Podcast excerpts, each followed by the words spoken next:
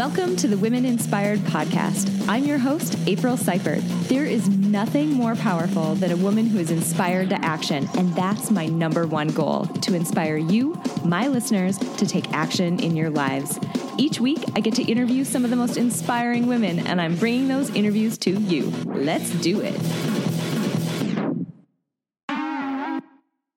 Emily Brumman's life of experiences has prepared her for her true calling in coaching.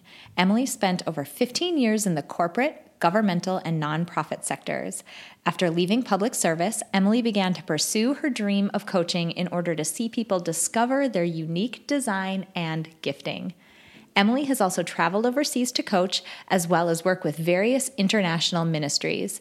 Emily's currently based in Portland, Oregon. She's certified as a certified Christian leadership coach, certified Strengths Finder coach, a certified MCORE coach and consultant, a licensed and certified Paterson Life Plan facilitator, and a certified VIA Strengths coach and consultant.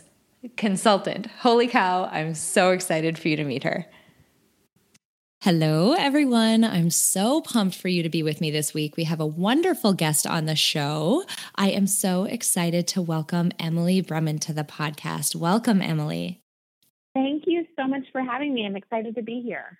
This is fantastic. I'm really, really excited to get to know you and get to know a little bit about the work that you've been doing. But before we jump into all of that, just help us get to know you a little bit. Just tell us a little bit about your background and who you are. Sure. I was um, born and bred in Omaha, Nebraska, so I'm a Midwest girl at heart. Um, we live in Portland, Oregon now. My husband works for um, a large uh, company here in Portland. We moved out here about two and a half years ago. And so it was really kind of strange to do that at 40, to live in Nebraska our whole lives and then kind of uproot and move out to the Pacific Northwest. Though I love it. And today happens to be a really sunny day. So I'm happy about that. Um, again, just born and bred in Nebraska, went to the University of Nebraska and um, graduated with a degree in finance. And strangely enough, I started in technology. So, worked for a large regional bank in the area, worked in technology for about 12 years and loved it. But what I loved most about it was the people and loved working on different projects where I got to have teams of people that I was a part of and really kind of move in a direction of always moving forward, always making progress with different technology projects. So um, I guess that's kind of the beginning of my career. And then, strangely enough, and everyone has a lot of questions around this, is I ended up in politics. Um, I worked for a United States senator. Um, I left my job um, at that large regional bank and went straight onto a campaign and then into federal office for about four years and loved my time with that United States Senator. He was a little bit like a dad to me. I'd lost my dad um, a few years before. And I loved being able to um, really impact people and impact our state specifically and really get to impact um, people one on one. So, just kind of another clue into what I was supposed to be doing with my life. And from there, I, I started to try and find what was next. I really knew it was time to move on and didn't know what was next. And that's how I find, found my way into coaching. So I'm a coach, I'm a life and leadership coach. Um, I coach people all over the world, um, mostly over video conferencing. So I use Zoom or Skype or you know FaceTime, different different programs like that, and I get to work with my clients to help them find their purpose. That is quite the career journey with some really interesting twists and turns in it. That's awesome. Twists and turns for sure. Yeah. How, okay, I'm certain people ask you this. How did you make that transition from sort of a traditional finance, working at a bank in technology, that sort of role? How did you make the transition into politics? What was it that made you do that? Well, you know, it's crazy. Um, I was working in something called strategic technology. So I was working on different kind of cutting edge technology projects, loved it. But the um, economy started to take a turn. And, you know, it was 2008.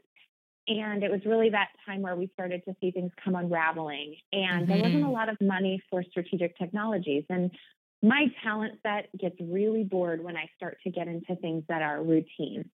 And so when I started to see the future and saw projects that were going to be pretty routine instead of things like mobile banking or different things that were kind of on the cutting edge. When my company said, we're just going to have to put a halt on those, I started to think, okay, I think my time here is coming to an end. But it was stable. My husband um, had a great job, but we kind of liked, you know, the stability of two incomes and we kind of fought it for a while. And so I really felt like um, I can remember the night we were laying in bed and I knew God was really calling me out of this um, banking, but I didn't have anything that I was jumping into. Yeah. And so I remember laying in bed and my husband said to me, Emily, I feel like we're getting into delayed obedience is disobedience. And um, if you've ever heard that term, really, I knew what I was supposed to do. I just didn't want to do it. And so I was kind of getting into this place where I knew I was kind of out of alignment with what I was supposed to be doing. Mm. So um, I I quit. I didn't have another job. I went in and and said, you know, it's time. And we were a little scared, but um, the night before my last day at the organization, I got a random reach out from a girl I'd met three times and she was actually working for the senator's campaign at the time. And she said, I don't know what's going on in your life, but we are going to be opening a campaign office in Omaha, and we thought you'd be a great fit, and we didn't know if you'd be interested. Wow. And it was literally that crazy. The funniest part about it is one of those nights in bed as we lay there and talked, I said, you know, I kind of like politics. What do you think about that, honey? And and so when this all happened, he said, Did you tell anybody? And I'm like, I didn't. I didn't tell anyone. so um, it was crazy and ended up working for a man who had such integrity, taught me so much, and spent those next four years. He was uh, Secretary of Agriculture, came back to the state of Nebraska to run for the Senate. So I got to have a front row seat to kind of the political process in 2008. It was an interesting year. And then spent, um, you know, about a year on the campaign, a little under a year, and then a little over three years in his federal office. Wow. Great experience. Mm-hmm. What I think is so cool about that is you were, well, two things, and we're going to end up jumping right into this, I'm certain, but you were very cognizant of the fact that the work you were doing was just not fulfilling you. And mm-hmm. a, a lot of times that can be really hard to recognize and admit, like even to ourselves, to just admit what I'm doing is not it's just not doing it for me. I'm just not feeling it anymore. That can be tough. But then being willing to make a change and make such a drastic change, I think is so cool that you were willing to do that because that's also very difficult for people. You know, it is hard. It was, I remember those, you know, those days of not knowing and, and honestly taking a pretty large pay cut. You can imagine going from technology to politics. Politics doesn't pay well, just telling you that right now.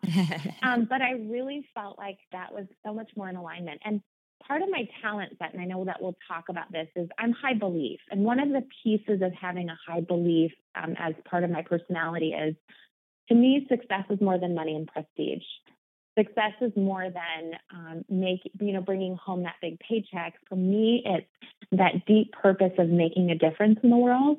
And i saw this as an opportunity to really make a difference in my state and in my country honestly. Oh i like that so much. All right so did a stint in politics found that really fulfilling I, am going to ask the same question. How did you turn that corner then into coaching? How did that find you? And, and mm-hmm. how did you decide that that was something that you wanted to get into? Sure. So after that time in, in that federal office, um, what I really started seeing was what I loved about my jobs was really impacting either my employees or impacting the people around me and really developing them. Um, I had this wonderful boss when I was in technology, and she really taught me how to go from, you know, really being a person who was um, just asking, you know, how to do something to really leading people.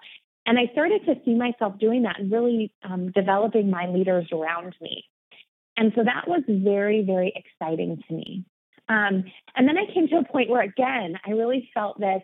I, my husband is so funny because now he just, when I feel it, he knows something's happening but an uneasiness, like I'm I'm unsettled. And I'll say, honey, I'm unsettled. And he'll say, okay, what's happening now?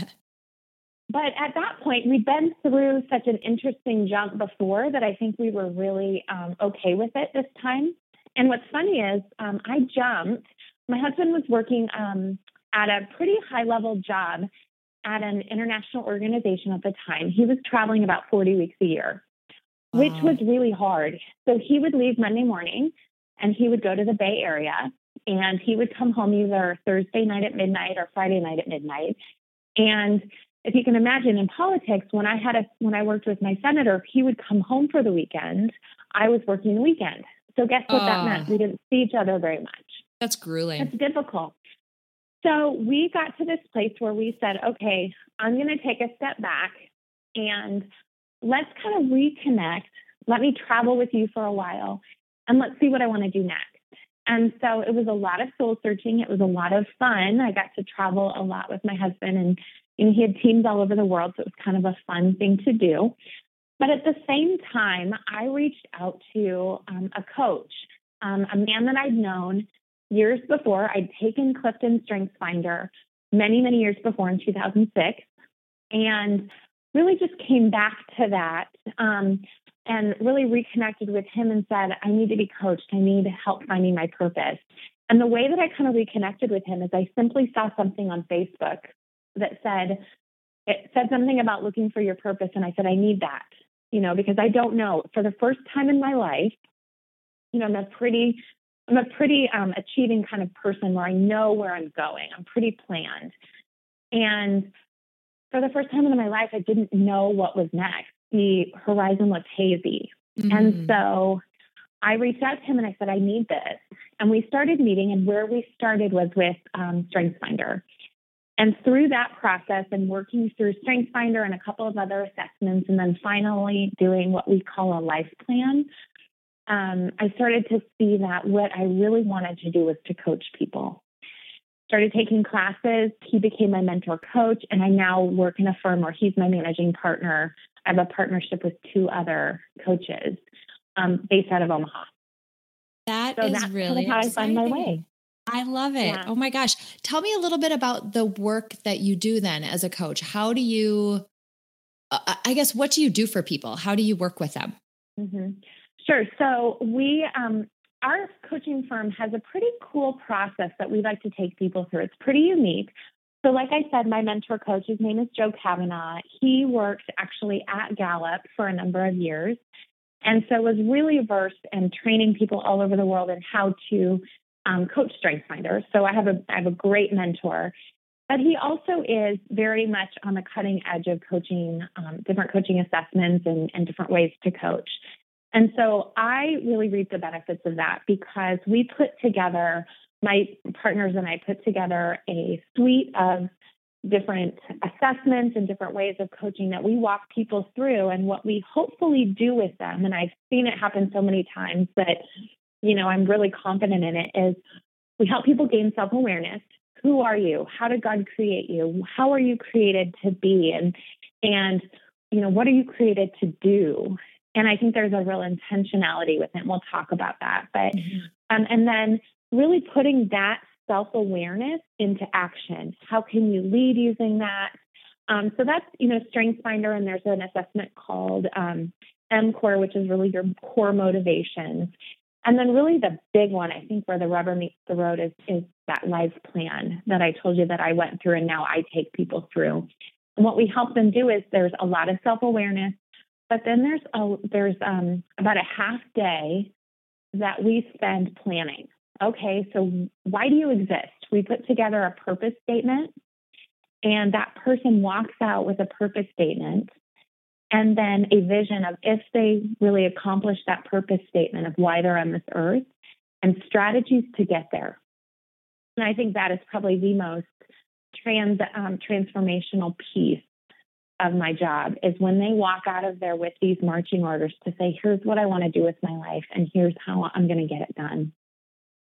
That's hugely powerful. It's not common that we sit down and work on ourselves in that way or really mm-hmm. give ourselves the margin to be able to ask those tough questions and sort of work through the answers right not go mm-hmm. immediately to the to the quick answer or immediately to the answer that we think we're supposed to give but really try to get down to the heart of who we actually are what actually makes us tick, what we actually mm-hmm. care about. You know, it's not that common that we do that. So how valuable for people to be able mm-hmm. to sit down for some time and and do that important work. I think that's mm-hmm. awesome.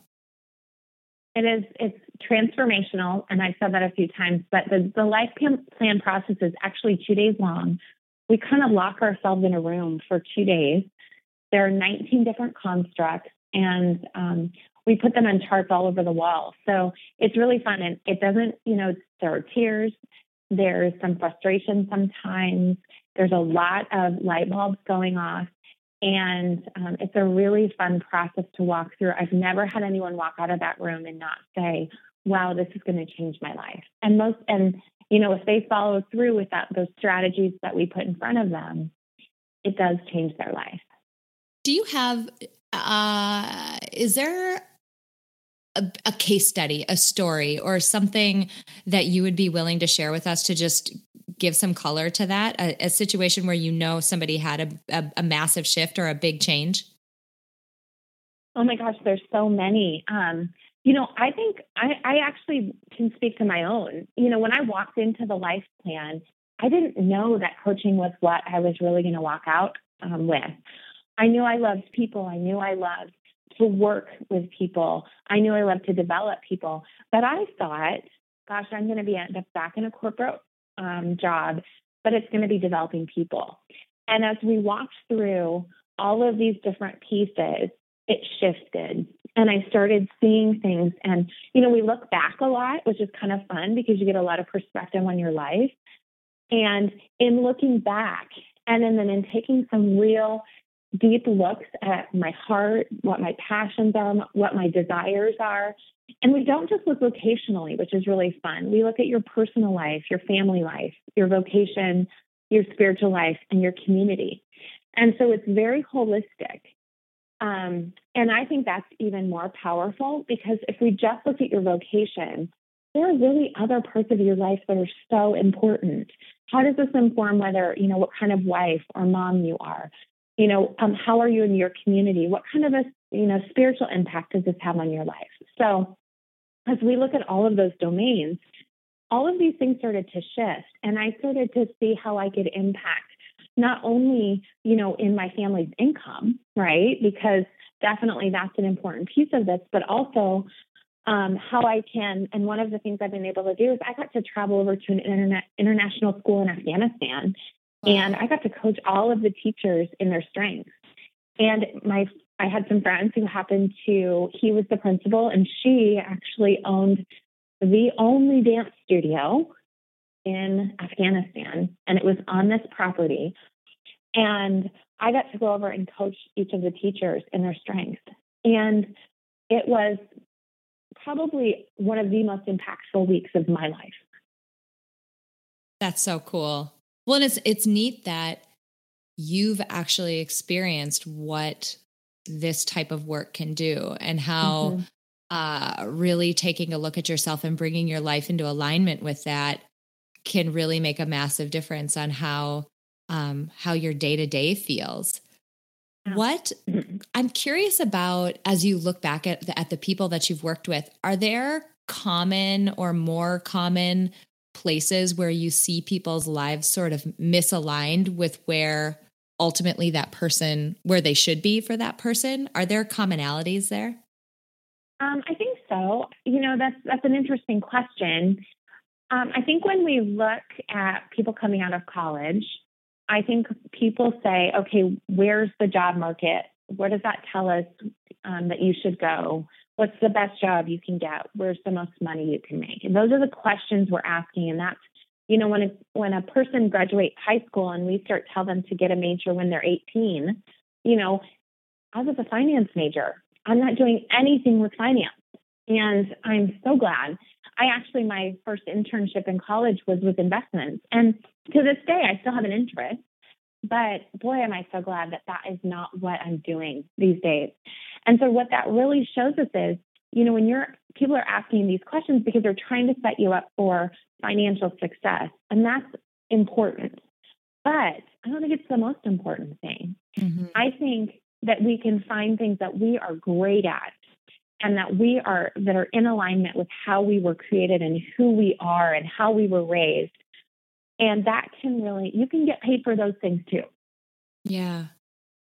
Yeah. It's funny that you say that because literally this morning i spoke to a group of high school students about uh, the career journey that i've had and uh, my background officially is in psychology. And so these um, high school students were uh, finishing up their intro to psychology high school class.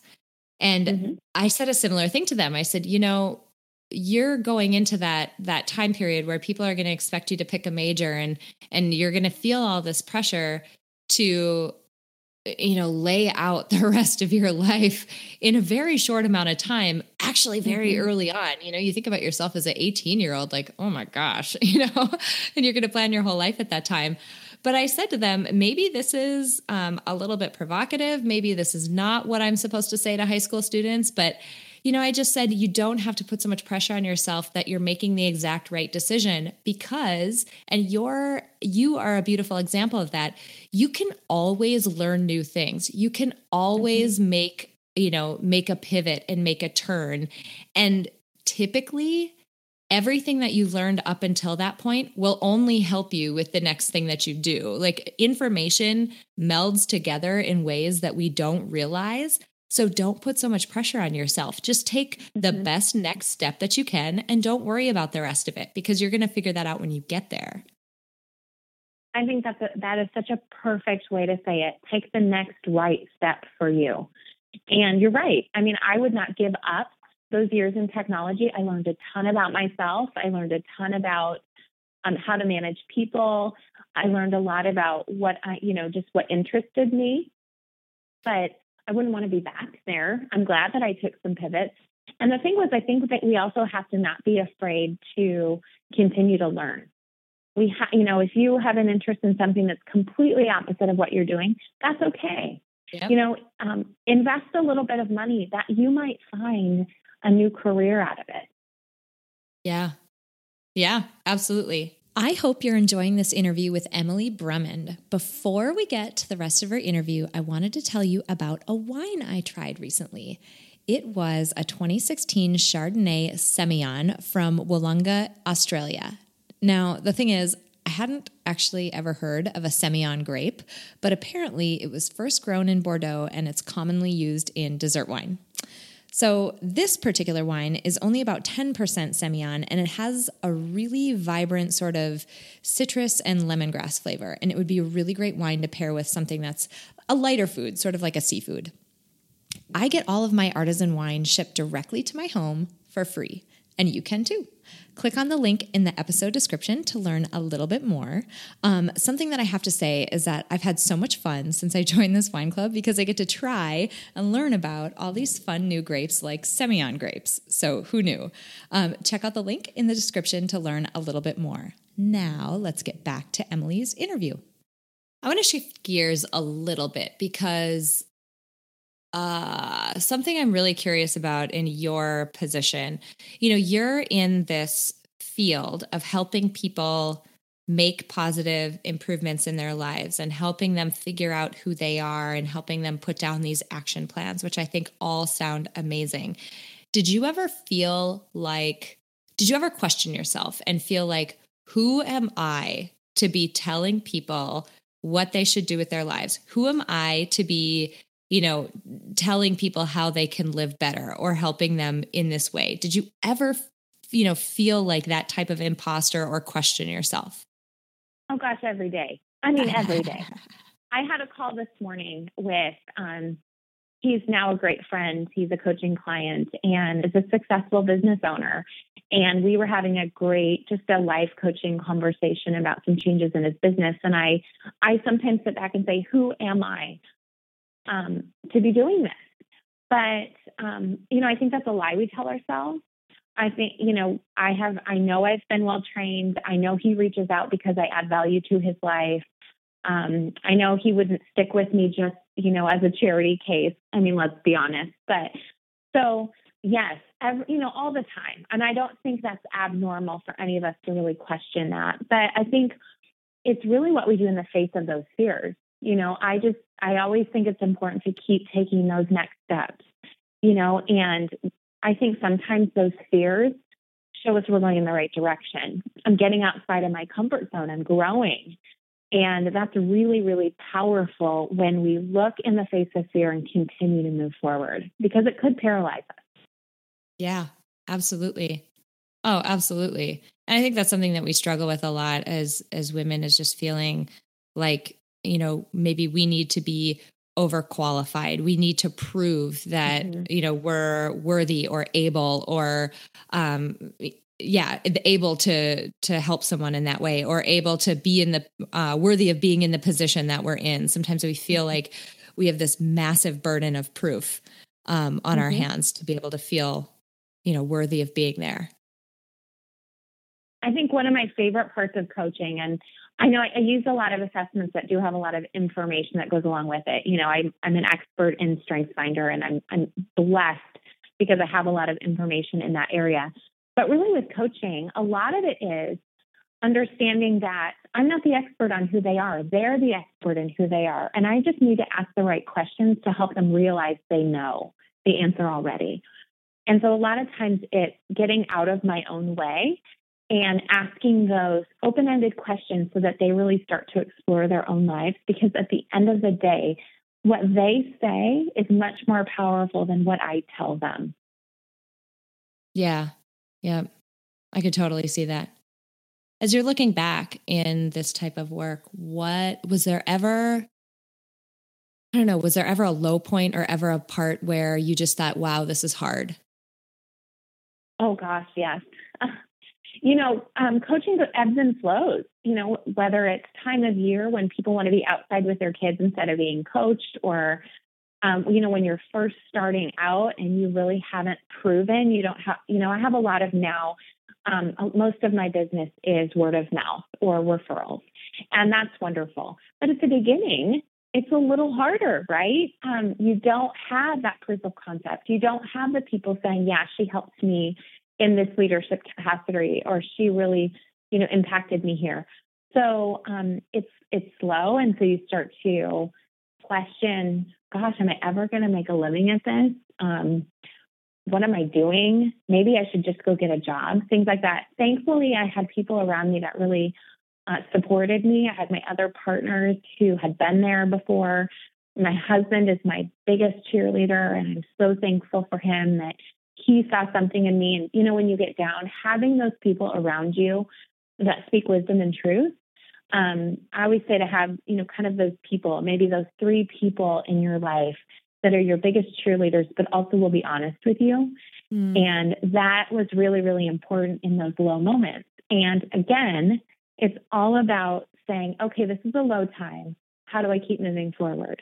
So it's looking that fear of failure and I think that's the big fear, right? Fear of failure, fear of rejection in the face and saying, I'm, it's not stopping me. I'm going to keep moving forward. Mm-hmm.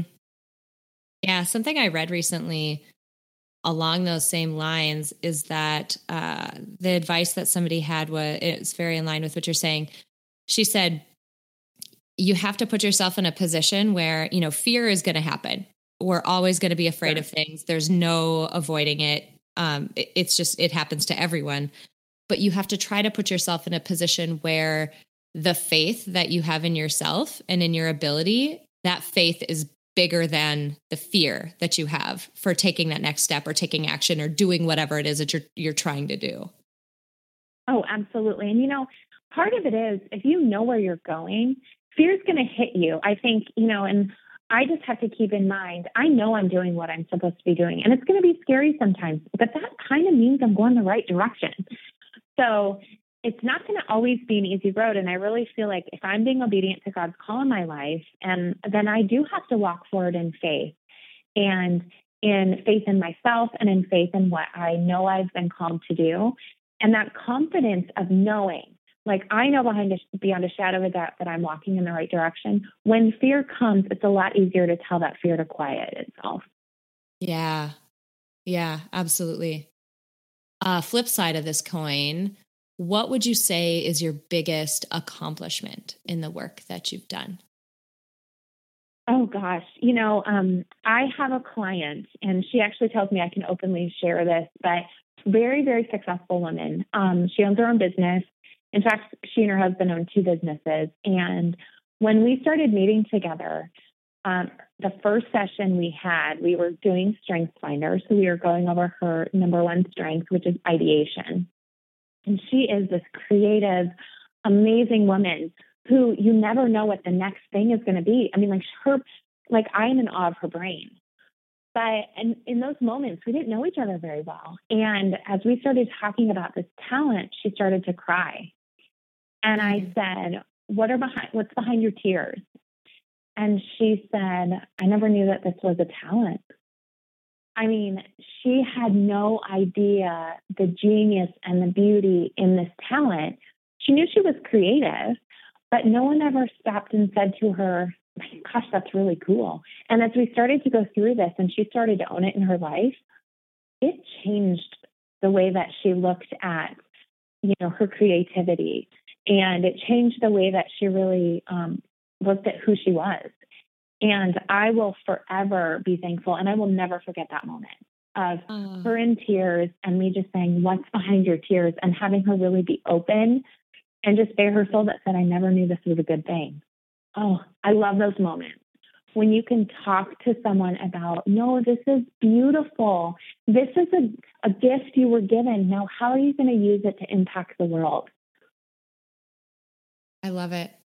So then for you, what are what are the things that inspire you or the people that inspire you?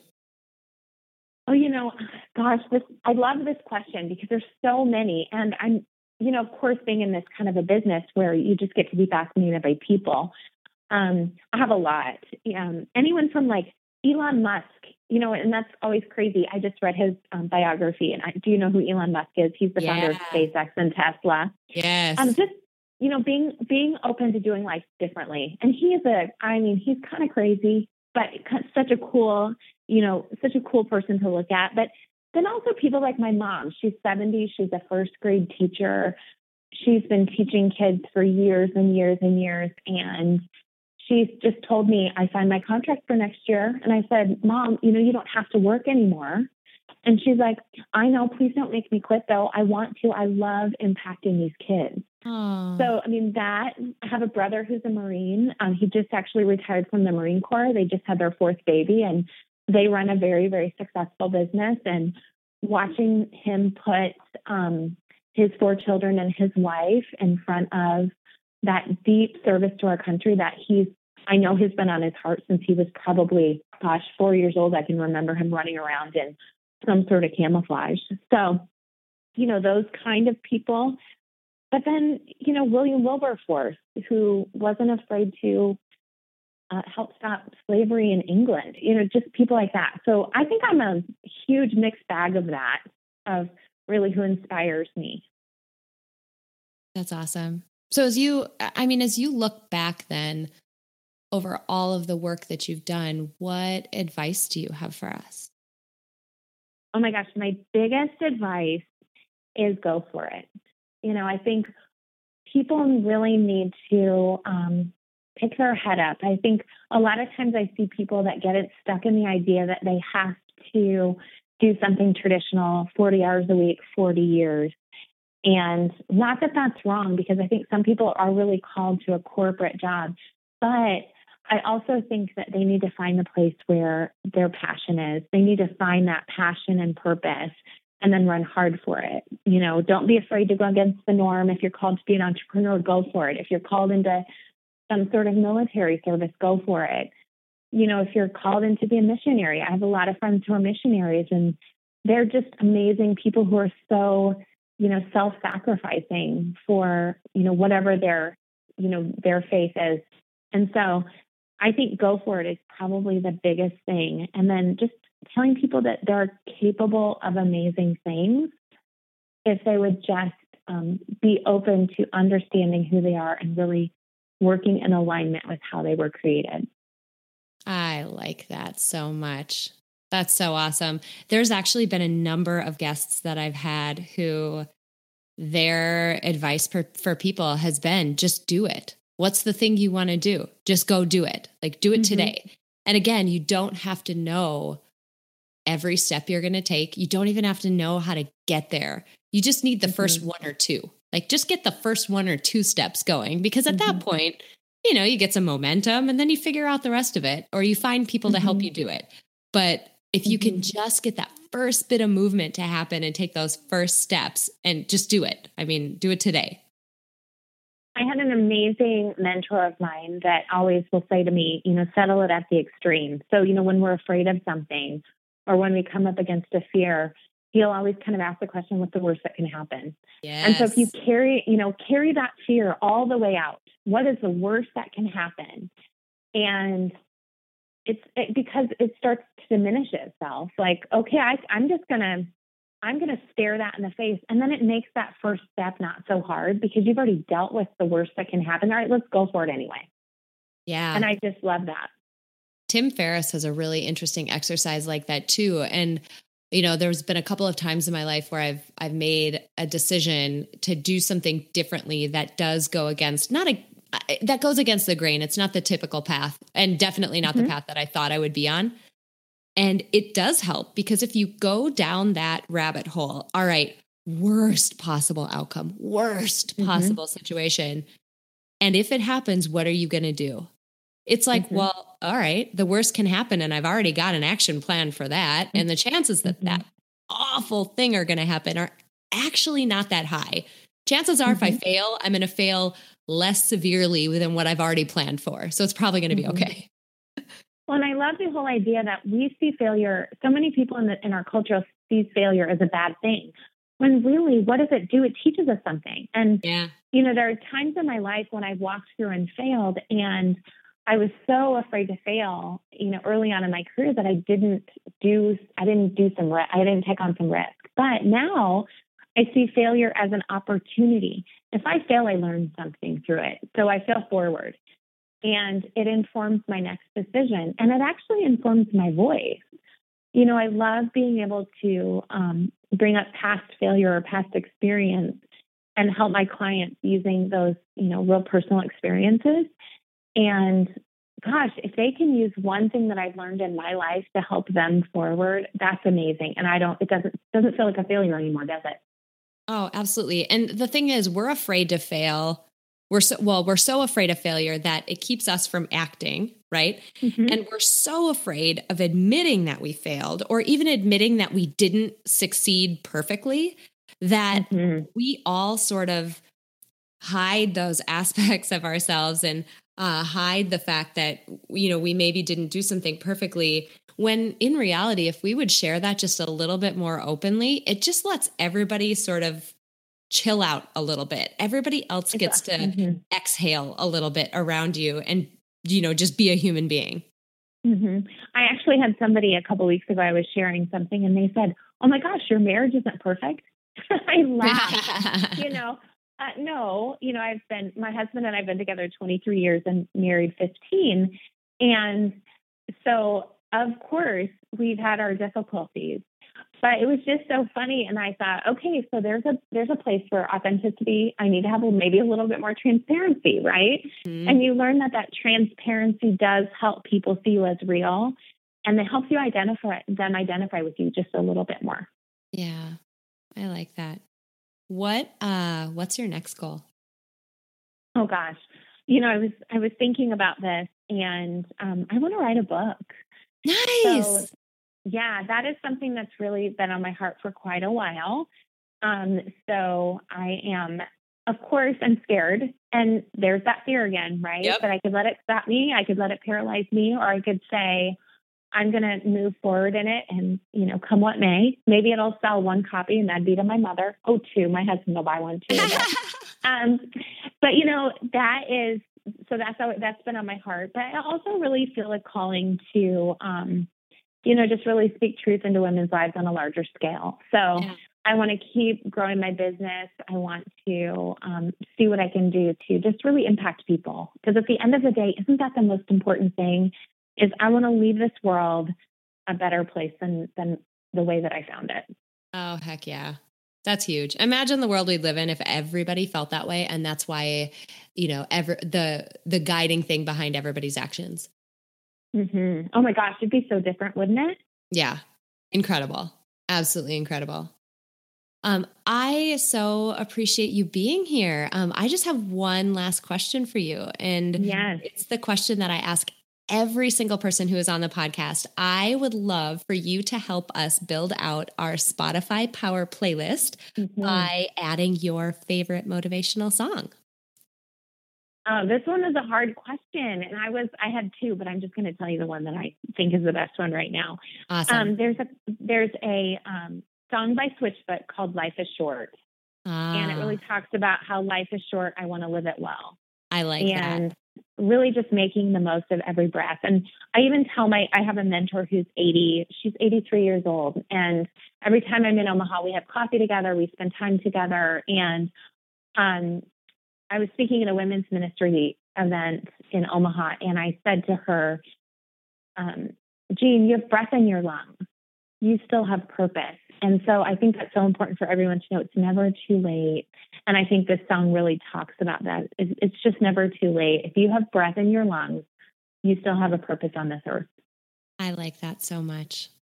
And I, I just so appreciate you being willing to take some time today and be open about your story and share the work that you've been doing it is so powerful you know your ability to help impact other people and i just really appreciate you sharing it with us thank you april so much. It's been a pleasure and you are doing such great work. I'm so thankful for what you're doing and for what for what you're offering to this world too. Thank you. Oh my gosh, you guys, I really hope you enjoyed that inter- interview as much as I did. Every once in a while, there is, I mean, all of these interviews make me really think, but there's once in a while, there's one that really makes me, I don't know, like ask myself the hard questions and really start to challenge assumptions that I'm making about myself, about my decisions, about the things that I'm doing, et cetera, et cetera. And this was one of those. I mean, obviously, Emily's great at this because that's what she does for a living. She, you know, encourages people to ask themselves those questions and figure out, you know, what it is they really want to do. But I mean, I would encourage you to listen to this interview again, like think through the things that she has said and really think about how you might be able to apply that to your life. In particular, think about the things that you are like the assumptions you're making about yourself. Are you assuming just because you have always worked in a field that that's the field that you're going to work in for the rest of your career? Even if you're not completely happy. Are you assuming that the way that you have your day organized and your time organized is the way that it has to be? Or are there tweaks you can make?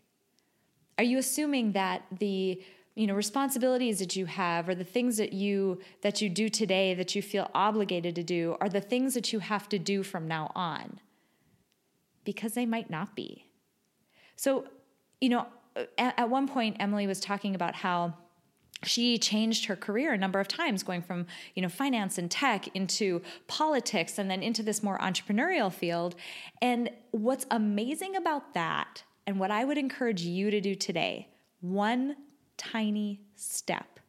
Ask yourself a hard question and actually, honestly answer it.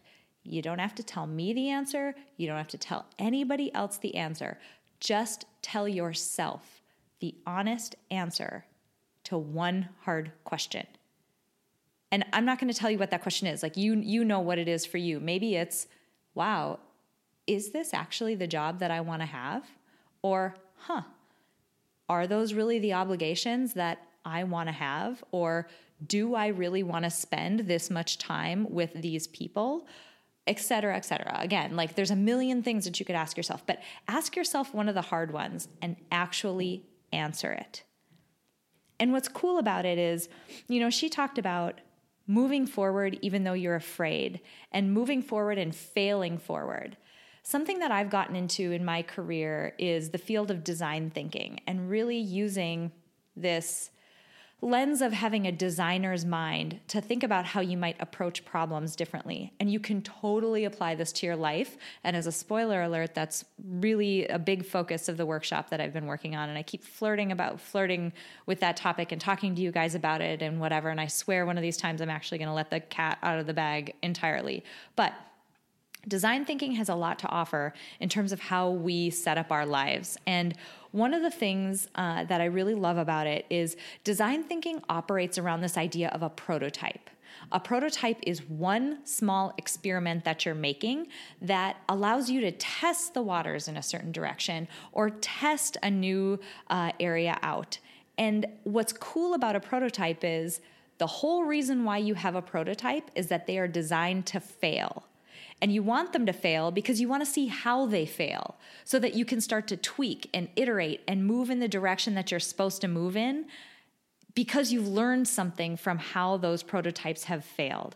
So I would really encourage you to think about doing that. I mean, think about how can you set up a prototype in your life that's going to fail, but that failure is going to give you some information about where you should move next. Something else that I thought was really cool about this interview is, you know, I asked her, What do you want to do next? And her answer was so awesome. She said, I want to write a book. And what was cool about that is, yeah, lots of people write books and whatever, but she has this goal and she said it so clearly and so specifically. It was great. It wasn't, well, I'm thinking about maybe mm, kind of whatever. It was, I want to write a book. And so I'm working through the steps that it might take to figure out how to do that. And if I had to guess, I didn't ask Emily this question, but she probably doesn't know exactly which steps she needs to take in order to get her to the place where she's going to have a finished, published book that is tangible, that she can hold in her hands, that people can buy in a store. She probably has no idea what a bunch of the steps are that she needs to take in order to get there. But I'm also going to bet that Emily knows what the next step she needs to take is. Just that first one. What's the first thing she needs to do? And I bet that's where she's going to start because that's where we all should start. It's just what the first thing we need to do is. So, the second challenge that I have for you this week is think about what that big goal is, that giant thing that you would love to be able to do. Maybe you have no stinking clue how to do it, and that is okay. I just want you to do the very first thing. And maybe that just means you want to start a business and you're going to start coming up with ideas for a name for it cool.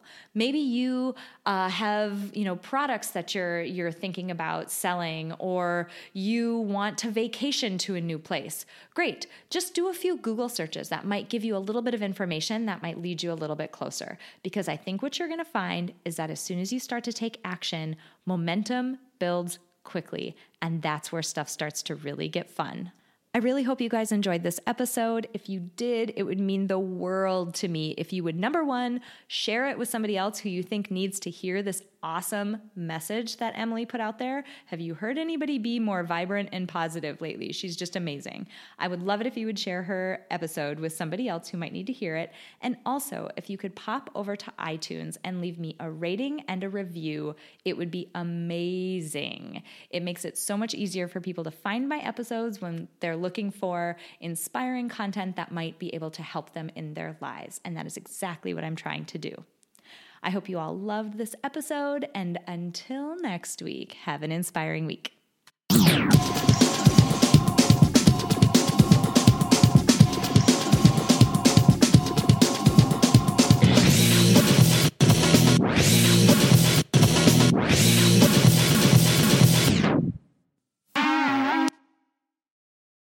At Parker, our purpose is simple. We want to make the world a better place by working more efficiently, by using more sustainable practices, by developing better technologies, we keep moving forward. With each new idea, innovation, and partnership, we're one step closer to fulfilling our purpose every single day. To find out more, visit parker.com/purpose. Parker, engineering your success. As humans, we're naturally driven by the search for better. But when it comes to hiring, the best way to search for a candidate isn't to search at all. Don't search, match with Indeed. When I was looking to hire someone, it was so slow and overwhelming. I wish I had used Indeed. If you need to hire, you need Indeed. Indeed is your matching and hiring platform with over 350 million global monthly visitors, according to Indeed data, and a matching engine that helps you find quality candidates fast. Ditch the busy work. Use Indeed for scheduling, screening, and messaging so you can connect with candidates faster. And Indeed doesn't just help you hire faster. 93% of employers agree Indeed delivers the highest quality matches compared to other job sites, according to a recent Indeed survey. And listeners of this show will get a $75 sponsored job credit to get your jobs more visibility at Indeed.com slash podcast. That's Indeed.com slash podcast. Terms and conditions apply.